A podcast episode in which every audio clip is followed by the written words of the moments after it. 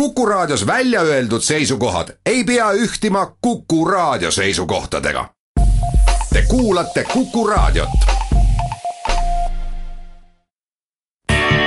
eurominutid.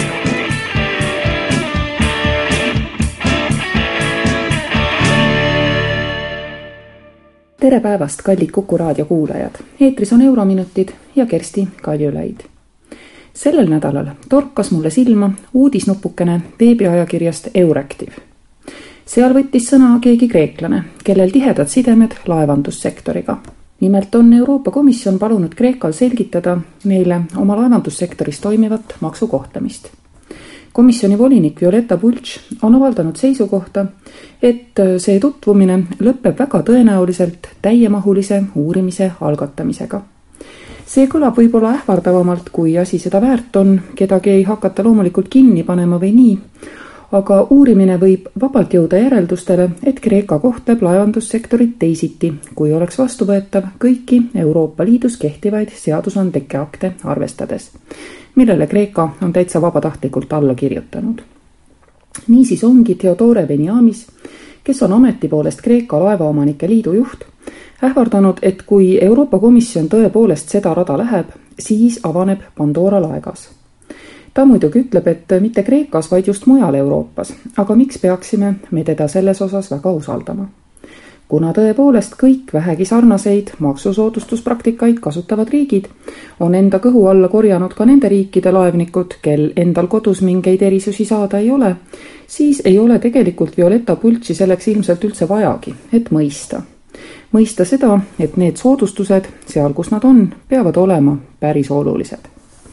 Violeta Pulš tegelikult tahaks, et soodustused säiliksid.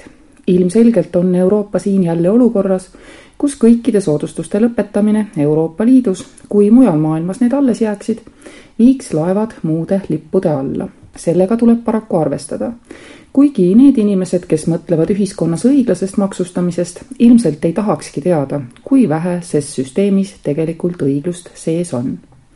no hea küll, laevanduses on vast ka meremeeste palgad kaunis head. ju siis midagi tilgub ikka nii-öelda ka väikese, lihtsa inimeseni. aga kahtlemata saavad kasu need riigid, kelle maksusüsteem võimaldab soodustusi eriti laialdaselt ja loominguliselt kasutada komisjonil niisiis ei ole mitte midagi selle vastu, kui laevandusettevõteteks on ennast deklareerinud ja saanud legaalselt äh, need firmad, kes tõepoolest on vedajad, et nendele ka laevandusäris soodustused säiliksid.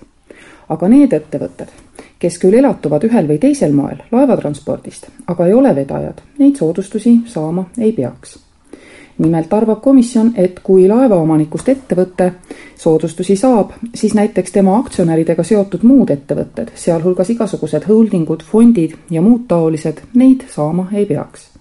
topeltsoodustusi ei ole ju kuidagi põhjendatud teha. samuti peaks soodusnimekirjadest välja arvatama vahendusfirmad.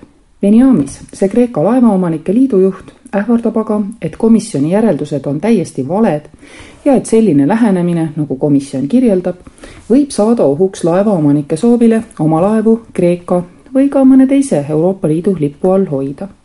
aga eelkõige Kreeka, sest praegu on kõne all Kreeka suhtes uurimise algatamine tal võib kusjuures isegi õigus olla, et äh, peletav asjaolu on eelkõige komisjoni uurimine, mitte selle tulemusena tingimata muudetav soodustuste süsteem.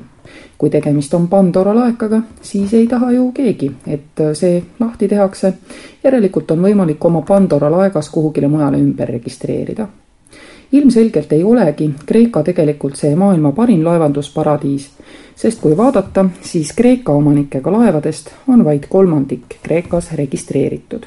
järelikult on paremaid pakkumisi. vaidlus käib selle üle, et Kreeka laevaomanikud maksavad ainult äh, tonnimaksu, mitte tulumaksu, nagu muudes sektorites see toimub.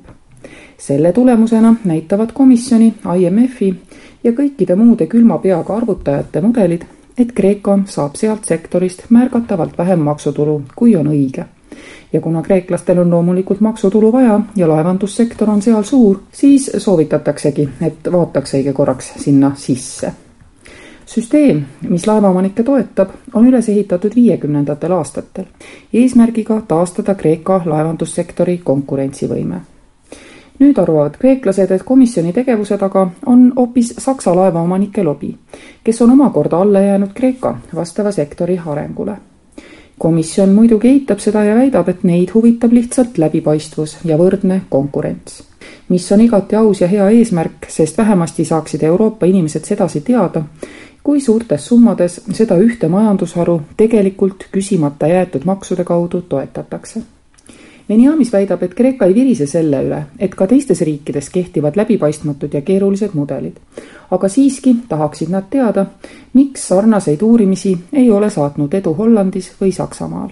kogu see lugu on muidugi kaunis ennekuulmatu keegi ähvardab Euroopa Komisjoni, et kogu meie sektor on selline hämar ala, kuhu teie nina toppimine ei ole oodatud. Sest juba sellest, et teie tahate meie privileegidest aru saada ja kontrollida nende rakendamist, piisab, et asuda ähvardama sektori hävingu ja hukuga kogu Euroopas.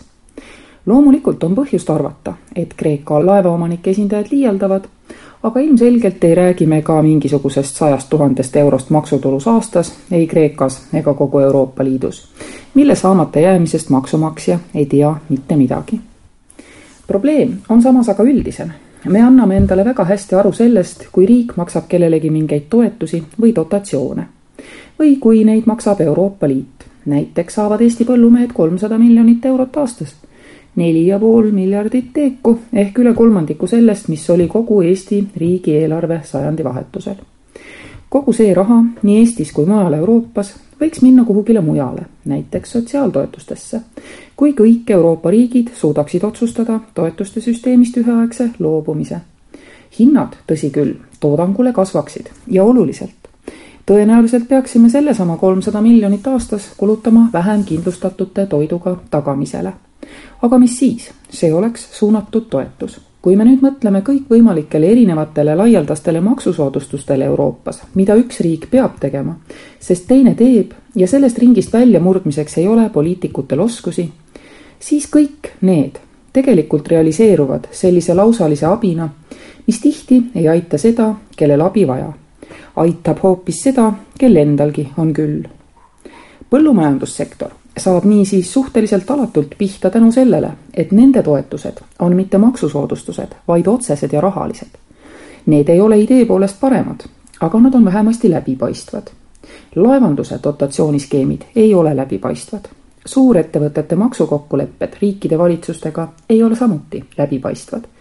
maksuerandid on küll läbipaistvad ja me võime nende mõju välja arvutada, aga needki jagunevad tihti nii, et vaesem mees saab vähem kui rikkam mees näiteks kodualuse maamaksu vabastus on selline. ka on täheldatud, et mõnes sektoris näiteks käibemaksu alandamine mõjub pigem kaupmehe kasumile kui kauba hinnale. ja kui mõjubki hinnale, siis teatavasti ühtemoodi, olgu selle ostjaks miljonär või pensionär. aga me peaksime vähemasti alati teadma, kes saab soodustusi, millises mahus ja kuidas sellest võidavad ühiskonna eri grupid niisugused läbipaistvad ja informeeritud otsused, teha neid soodustusi, teades, mis nad maksavad, oleksid palju õiglasemad. aga nagu Kreeka laevaomanikud demonstreerivad, siis on lootusetu, et pimedusest õnnestub kedagi valguse kätte tirida ilma, et sellega ei kaasneks kõva kisa. Õnneks makstaksegi poliitikutele selle eest palka, et nad seda kisa taluksid ja Euroopa Komisjoni poliitikud ning ka ametnikud on õnneks liikmesriikidest nii palju kaugel, et neid see kisa väga ei hirmutagi samas, kuidagi tuleb ka neil vastata, kas läbivalgustus piirdub kreeklastega või saab osaks ka näiteks põhjapoolsematele mereriikidele. loodame, et saab ja nii ei peagi Eesti hakkama täitma meie laevaomanike pikaajalist tellimust ehitada mingi sarnane hall ja läbipaistmatu toru üles ka Eestis. Kuulmiseni jälle järgmisel nädalal. eurominutid